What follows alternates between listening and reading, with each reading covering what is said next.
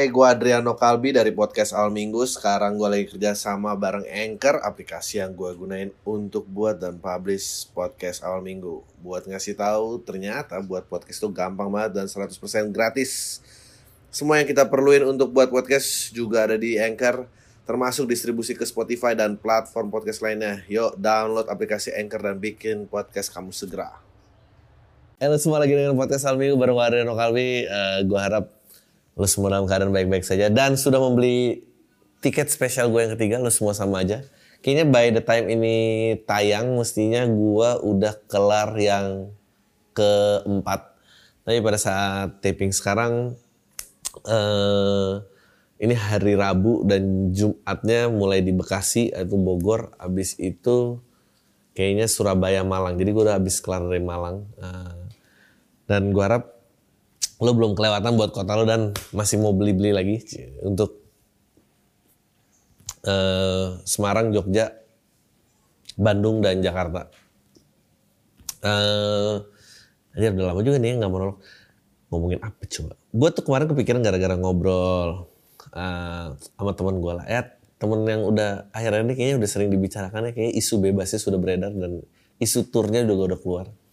Lagi ngobrol-ngobrol-ngobrol terus ngomongin tentang adaptasi terus gue baru sadar gitu kayak anjir kayaknya oh segara-gara ngobis ngobrol sama Firda Indira juga gue jadi sadar kayak kayaknya eh, yang bertahan tuh yang bisa beradaptasi deh sama medium-medium barunya gitu. Meskipun kayak um, lo nggak bisa kayak dulu bilang misalnya eh, pesinetron atau eh, pelawak TV gitu. Karena dia nempel dengan media tertentu, um, dia nggak beradaptasi ke tempat lain, dia mati. Jadi gue rasa kayaknya kesetiaan pada medium tuh mestinya nggak ada deh.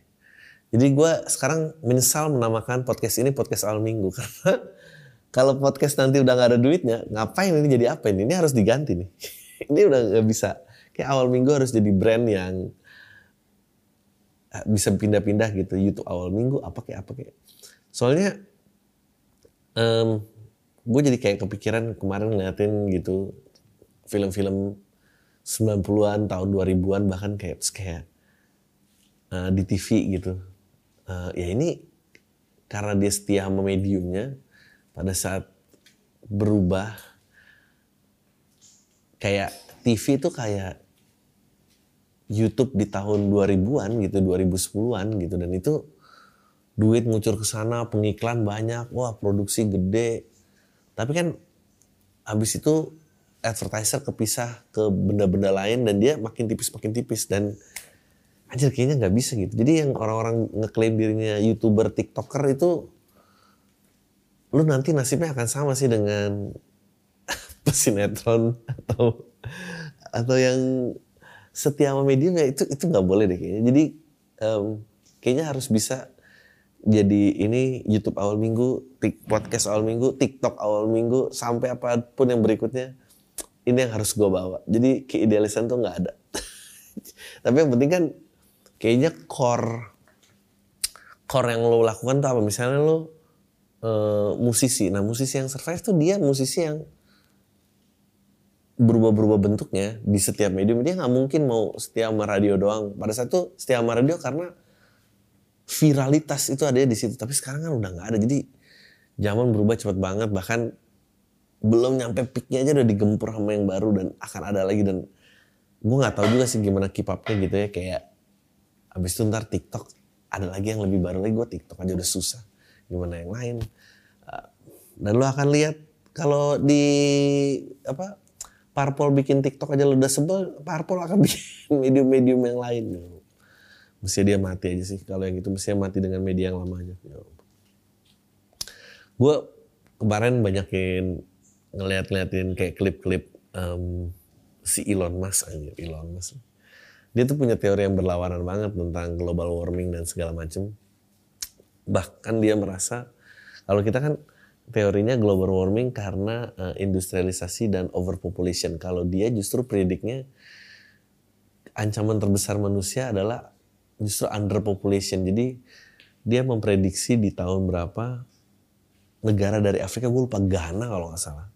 Ghana will surpass will surpass China in terms of population. Jadi Europe mati, terus Jepang Korea tuh kayaknya mati karena mortality rate-nya lebih banyak daripada birth rate-nya dan itu dan itu parah. Dan aja dia tuh menarik banget ngeliatin itu kayak ya bener juga gitu. Karena gue inget dulu tahun gue tahun 2005 kuliah gue punya teman dari Cina dan dia kayak dan pada saat itu masih digalakkan mungkin 20 tahun kali polisinya.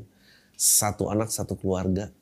Dan sekarang mereka cabut uh, ini ini salah kalau ntar mortality rate-nya banyak banget dan, dan tuh ya orang ini tuh dia selalu punya teori-teori yang dan dia justru dia udah gila dia berusaha menyelamatkan uh, bumi dengan yang underpopulation ini dengan bikin bayi-bayi tabung di mana-mana.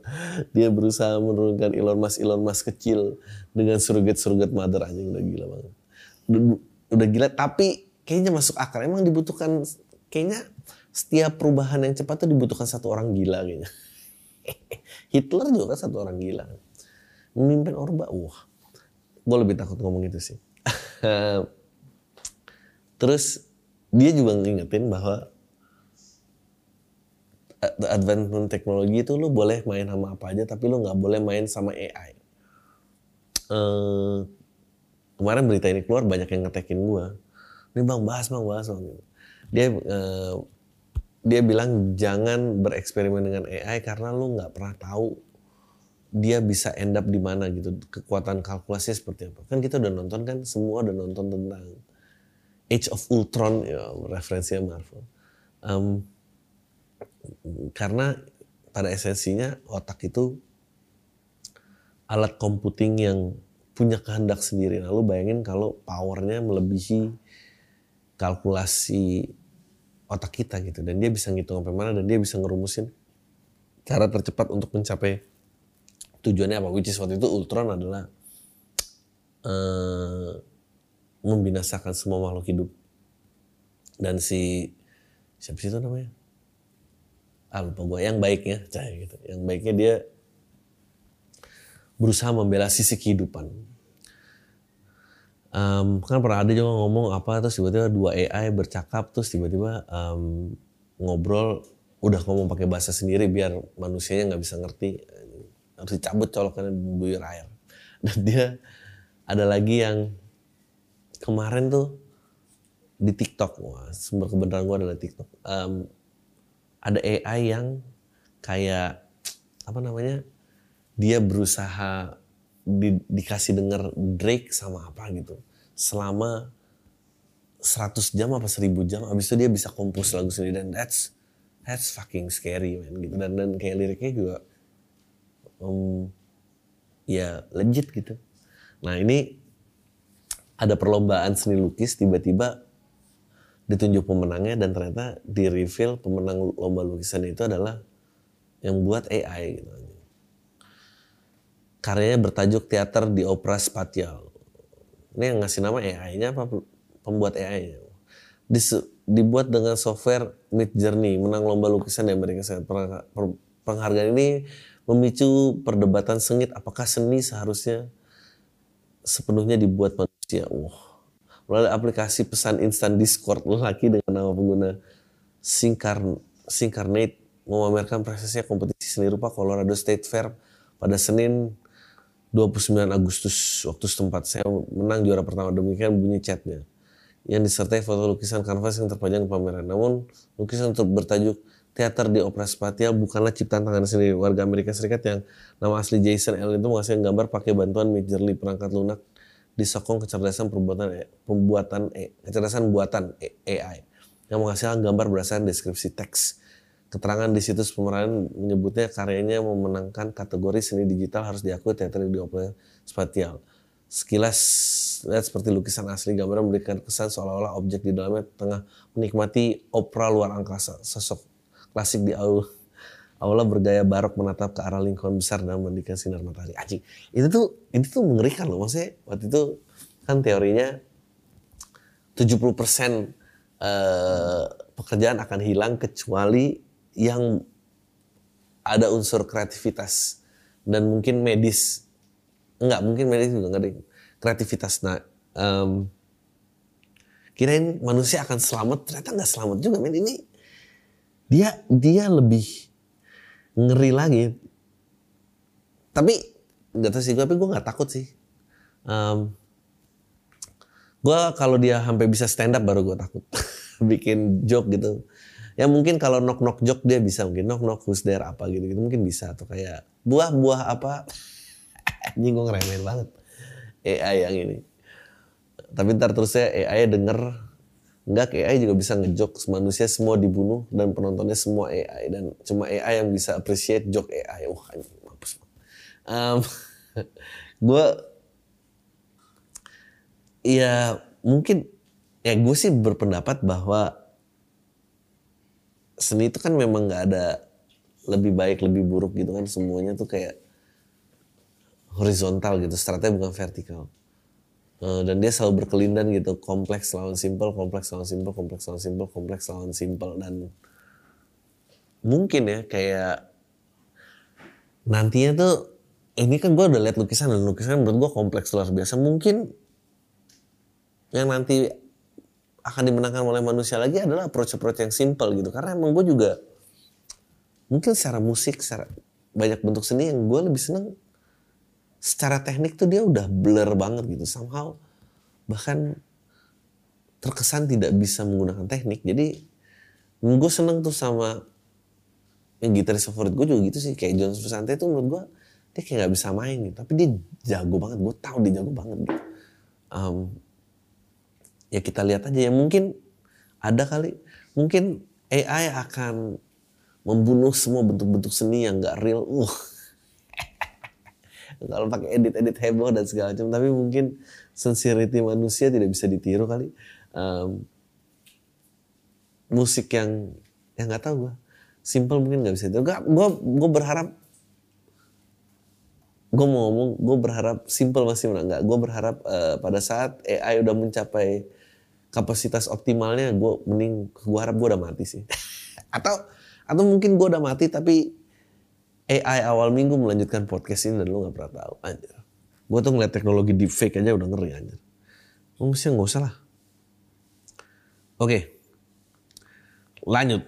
To the next news. Wagub Jabar menyebut poligami bisa jadi solusi atas maraknya penyebaran HIV atau AIDS. Again ya, everybody is trying to be funny, comedian trying to be right. Um, it's almost, ini it's almost like a joke gitu kayak banyak AIDS iya makanya nggak poligami sih. Nggak kayak gitu gitu. It's almost like a joke gitu. Uh,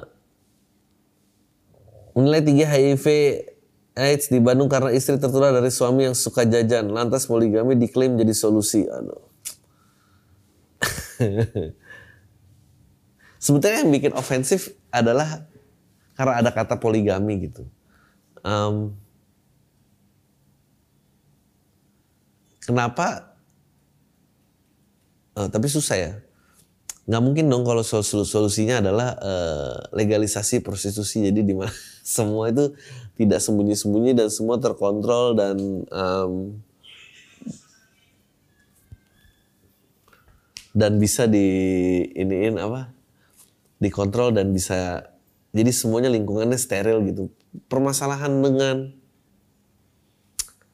ilegal itu kan semua bendanya jadi gelap gitu. Kalau dia legal dia bendanya jadi terang dan dan steril mestinya nggak jadi isu lagi gitu pada saat dia sudah ada keterangan. Um, ada keterangan, ada sebuah yang sesuatu yang cerah, menerangi. Um, gue tuh kalau ada orang-orang asal jeblak gitu tuh kayak sebetulnya dia itu juga kaget ditanya kayak jadi bapak apa pak solusinya atas maraknya meningkatnya angka HIV atau. Uh, uh, uh, makanya poligami. Emang di tengah-tengah sebetulnya kan negara ini kayaknya setahu gue belum masih belum membolehkan deh. Tapi gue nggak tahu lah kayak gini-gini kenapa banyak banget.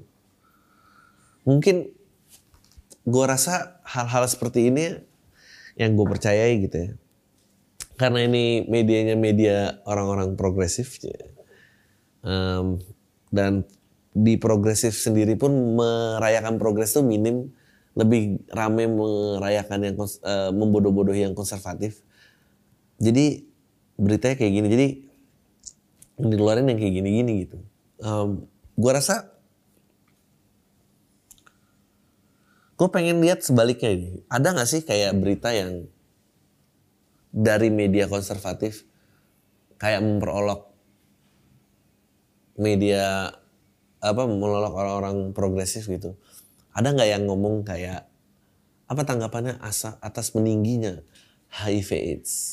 Nah, rasain pada seks bebas sih. Mungkin ternyata di media seberang terusnya kayak gitu. Ini sih nggak ada inti sih cuma bikin berantem aja. Oke. DPR Aceh berencana susun perda legalisasi ganja medis di wilayahnya. Uh, hore. Sayang cuma di Aceh ya. Tapi pasti banyak banget orang yang mau ke Aceh habis ini. Pariwisata akan meningkat. Uh, dia akan ya emang harus harus diterusin sih gitu. Maksudnya nggak mungkin tidak mungkin paling enggak ganja legal di negara ini bukan karena kebaikannya tapi paling enggak karena kita gengsi jadi negara yang terakhir udah itu aja. Um, ya gue rasa kalau udah hidup mati dan pengobatan tuh mestinya semua boleh-boleh aja. Wah. Gue mau menggunakan kata-kata yang berbau-bau religi nanti ntar dianggap penistaan agama. Gue tuh sekarang takut loh. Gue setiap mau ngomong gue mikirin konsekuensi apa yang bisa keluar dari sini dan diputar-putar. Gue takut. Gue lagi mau spesial. Lu semua sama aja Cari tiketnya di www.majelislucuindonesia.com. Heboh. Anjing nulis berita pakai kata seru gini. Heboh.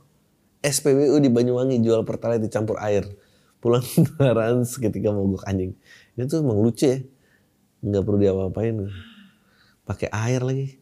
Itu kan air nggak nyatu. Kenapa nggak pakai minyak tanah sih? Uh, lebih parah lagi. Sejumlah kendaraan dikabarkan mogok usai mengisi bahan bakar jenis Pertalite di SPBU Pesanggerahan Banyuwangi. Hal ini disebabkan BBM yang dijual bercampur air saat dikuras oleh beberapa konsumen. Ya ampun.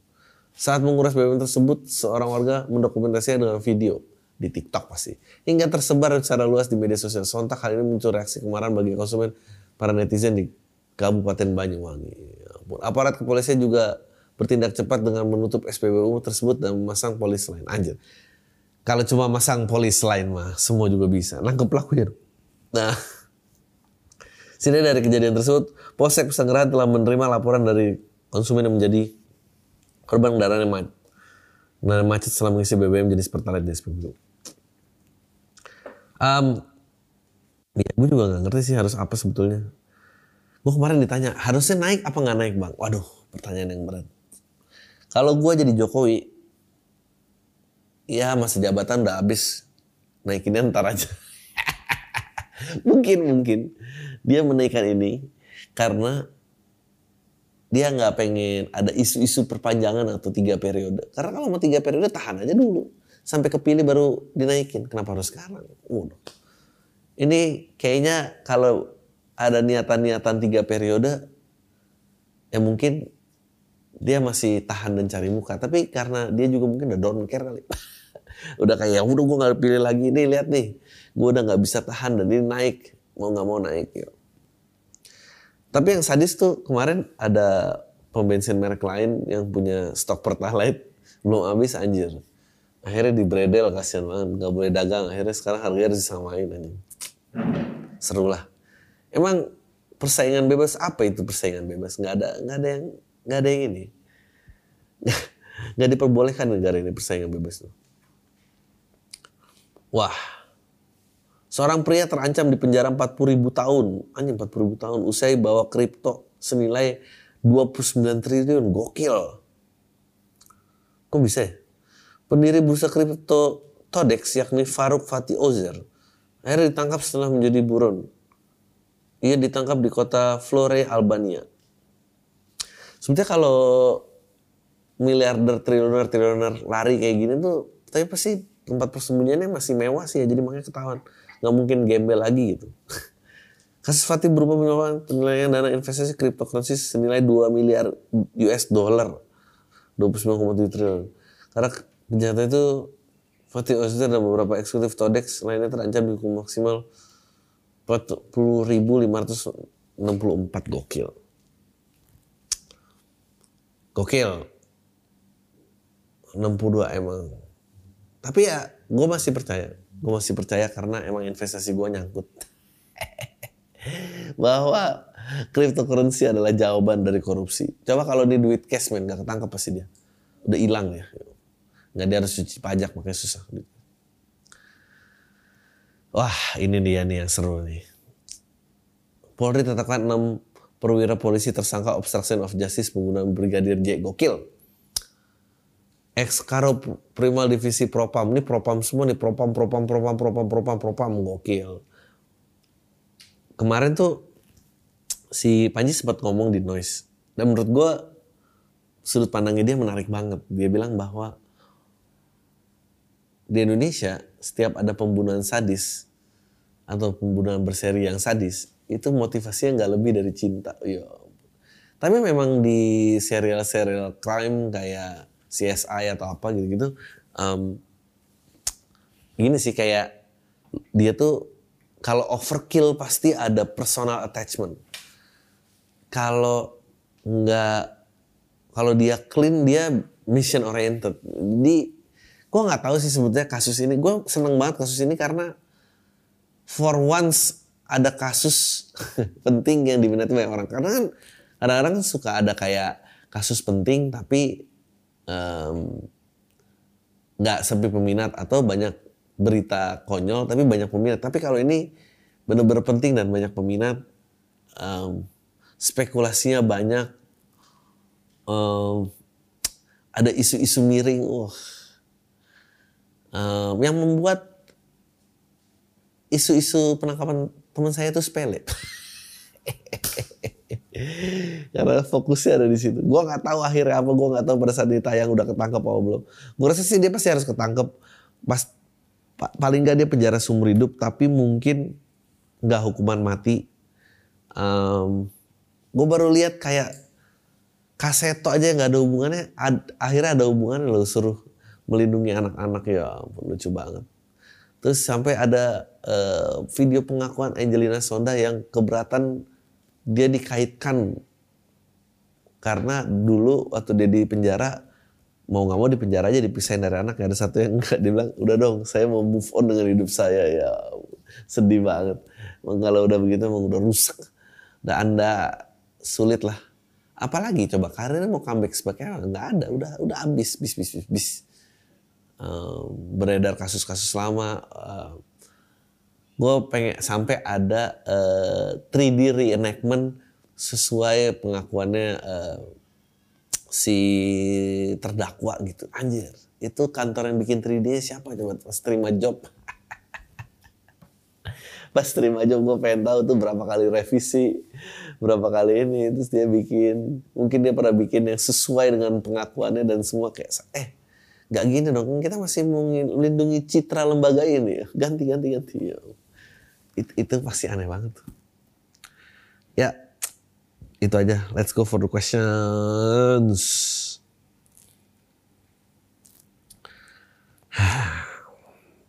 ya jadi, I don't know. I, I, gue benar berharap ada apa gitu yang seru. Udah lama negara ini tidak dipersatukan oleh sesuatu yang seru. Nah mending daripada BT mana progresif mana konservatif, mending sama-sama untas apa bongkar kasus ini sampai selesai. Itu kanan kiri itu yang senang pasti. Live almost 30 sudah cukup sukses tapi kok masih ada yang salah. Waduh. Perkenalkan nama aku. Aku mau cerita dan minta saran nih soalnya lagi stuck usia mau menginjak 30 ya Allah. Sejak usia 18 tahun sudah malas hidup sebetulnya. Tapi masih hidup bahkan dibilang sukses. Ini najis. Muji-muji diri sendiri. Berkat nggak mau hidup dari lulus SMA berusaha mencari arti hidup semua berawal ketika suka belajar sekolah tapi nggak ada duit bahkan cenderung dilarang sama orang tua. Sebagai generasi yang lahir 90-an pasti kemakan dengan opini I want to change the world. Yang mana sejatinya kita masih harus change my, ourselves dulu sebelum itu. Masih ingat dulu pas ngurus surat miskin ketemu bapak kelurahan yang nulis di komputer dengan dua jari. Berasa pakai mesin ketik zaman dulu gemes banget pengen kurebut biar cepet selesai namun nggak nggak bisa. Di mana melihat realita banyak banget nepotisme sedari tingkat desa alhamdulillah bisa kuliah gratis sampai lulus. Eh, gue Adriano Kalbi dari podcast Al Minggu. Sekarang gue lagi kerja sama bareng Anchor, aplikasi yang gue gunain untuk buat dan publish podcast Al Minggu. Buat ngasih tahu, ternyata buat podcast itu gampang banget dan 100% gratis.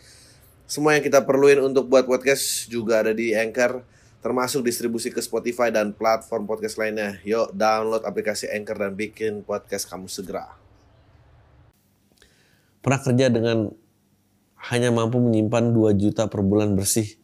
Di mana aku adalah anak yang punya empat orang tua gokil. Orang tua kandung dan orang tua angkat. Aku takut menikah karena aku merasa harus bisa berbakti pada mereka. Sedangkan aku nggak mau membebankan pembiayaan orang tuaku pada suamiku kelak. Orang biasanya yang tinggal pria yang hanya tinggal dengan ibu ah, saja masih nggak bisa berbuat apa-apa sama ibunya. Gimana tiba-tiba punya mertua empat, ini lucu banget kan kaget. Ya bener sih. Selain itu, juga merasa berhutang pada negara karena sudah disekolahkan gratis, jadi perlu membalikannya dalam bentuk sumbangan asih ke lingkungan yang ber, yang bermanfaat. Aku merasa harus buru-buru sukses, punya uang yang banyak. Yang bagus sih cuma capek banget. Ya bagus sih cuma banget. Sebelumnya timbul pemikiran kalau mau bantu orang lain harus bisa bantu atau minim tuntaskan diri sendiri. Alhasil banting setir jadi babu di negara orang. Merasa hina sih.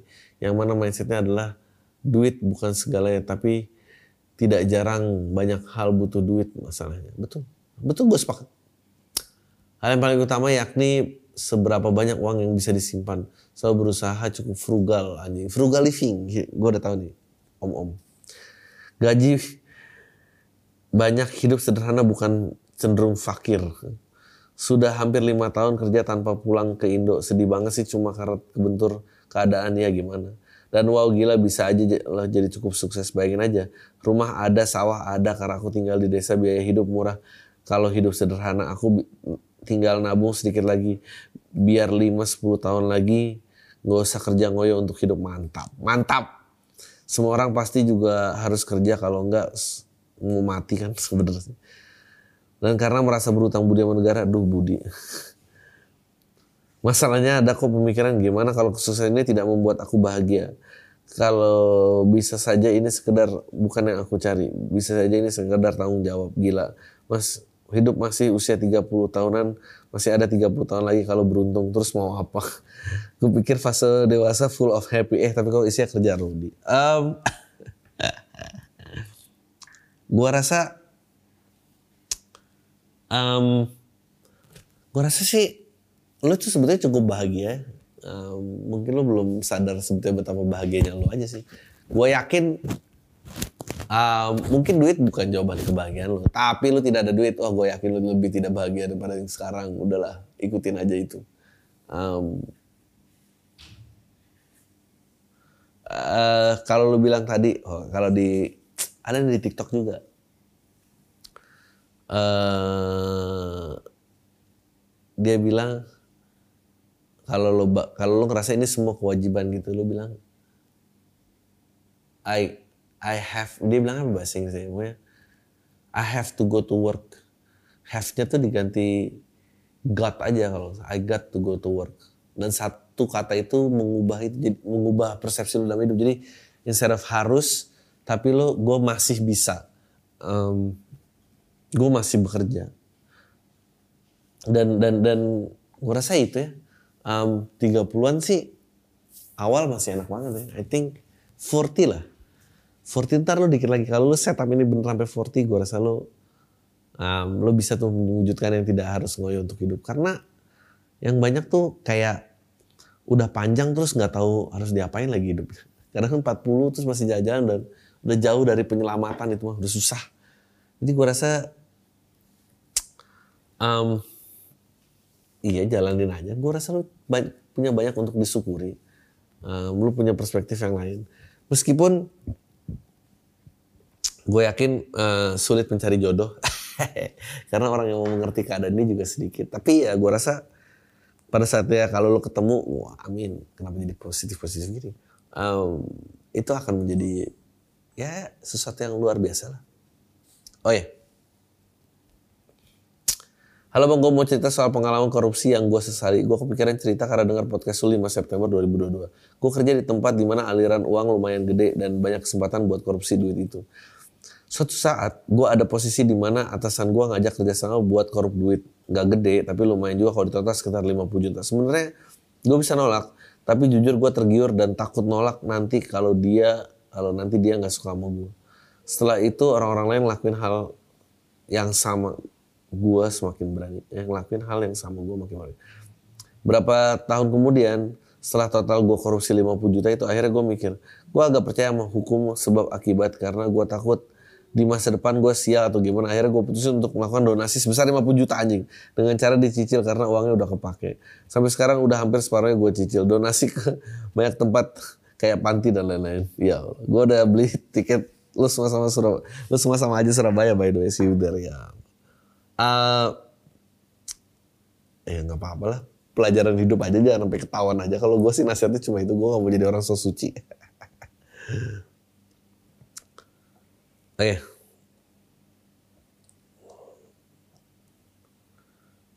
uh, ini keren nih kayaknya Halo bang, gue umur 22, waktu gue 13-15 gue pernah dilecehin Sebentar lagi gue mau cerita soalnya dia bentar lagi mau nikah ya nih. Sebut aja dari si L. Dia tuh sepupu gue beda 4 tahun kita deket dari kecil. Emang deket banget karena rumahnya deket. Gue sering dititipin di rumahnya kalau ortu gue lagi sibuk. Dia tuh tiga bersaudara cowok semua dan umurnya deket-deket gitu.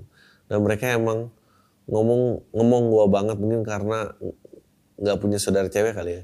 Jadi kayak dipeluk atau pipi gue dicium emang kebiasaan dari kecil. Bahkan dulu sering tidur bareng sekasur berempat atau bertiga. Yang gue anggap biasa aja sih waktu itu. Nah waktu itu gue nginep di rumah si L biasanya emang tidur bareng dia sih soalnya kamarnya paling bersih. Bagi gue tuh biasa aja bang. Biasanya juga ngobrol pas tengah malam atau main game sambil ngejailin gitu. Tapi makin ke sini kita main game tambah taci, astaga.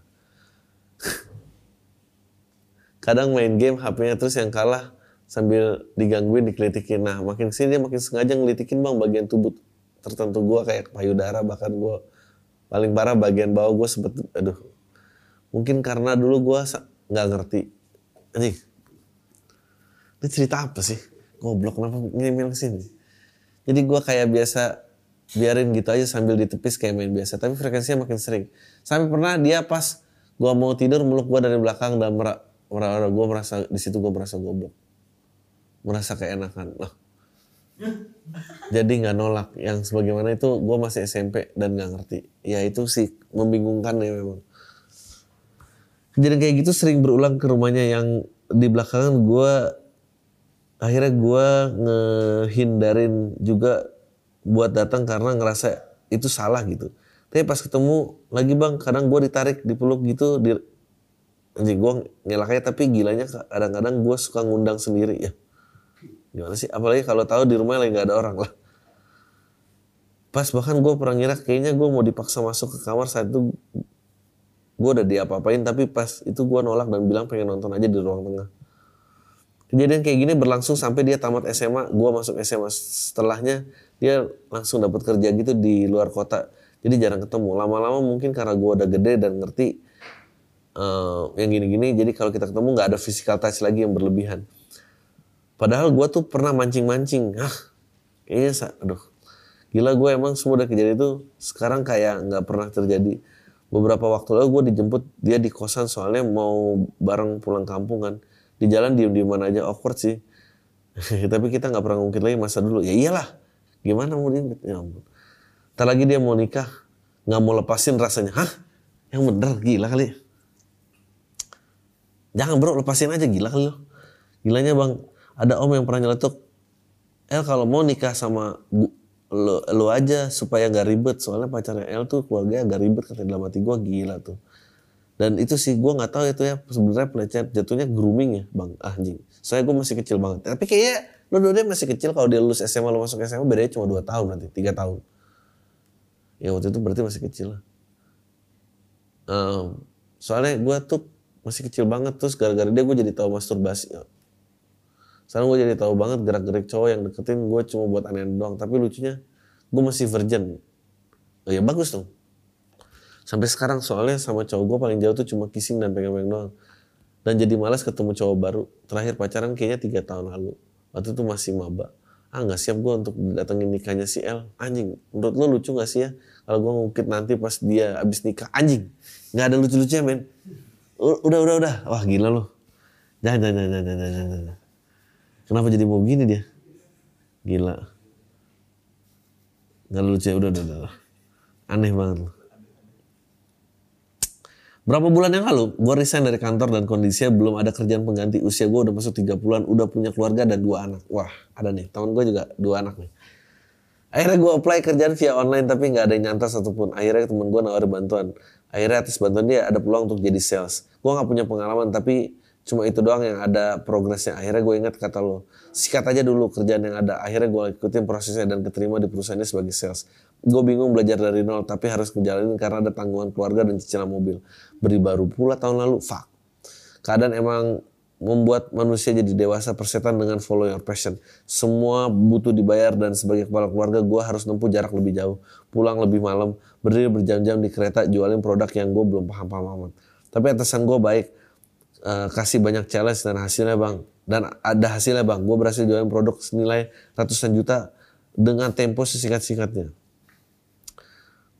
Gue cuma mau minta saran aja bang, gimana tips untuk relasi atasan anjing? Gue deket banget juga nggak enak, tapi kalau jauh rasanya gimana gitu. Terlebih atasan gue ini suami dari rekan kerja gue yang dulu. Um, nggak ada sih menurut gue lu kayaknya udah bagus ya. Jadi kayak ya sama atasannya gitu aja sih. Dan menurut gue eh nggak usah kelihatan pinter ya kelihatan banyak pertanyaan aja dan dan lu selalu pengen tahu biasanya atasan yang baik akan lebih appreciate itu sih. Anjir ini makin gak ada lucunya podcastnya nggak ada lucunya dan serem lagi. Sedikit dilema antara keluarga sendiri atau kebutuhan adik. Bang tolong jangan sebut nama email saya. Cowok udah nikah sekitar satu tahun saya punya adik dua cowok dan cewek. Sekarang adik saya yang cowok sudah semester akhir alias udah mau ngajuin proposal skripsi. Terus adik yang cewek baru masuk kuliah. Wah SPP per semester 500 ribu. Bisa kena segitu karena emang bokap udah pensiun. Jadi sekali dapat SPP paling ringan. Masalahnya adalah saya dan istri kan emang bekerja emang sama-sama kerja. Kebetulan istri anak terakhir dari lima bersaudara. Jadi orang tua saya menganggap duit saya banyak. Dan bisa bantu kebutuhan kuliah adik saya. Emang saya akuin kalau gaji digabung sekitar 9 juta.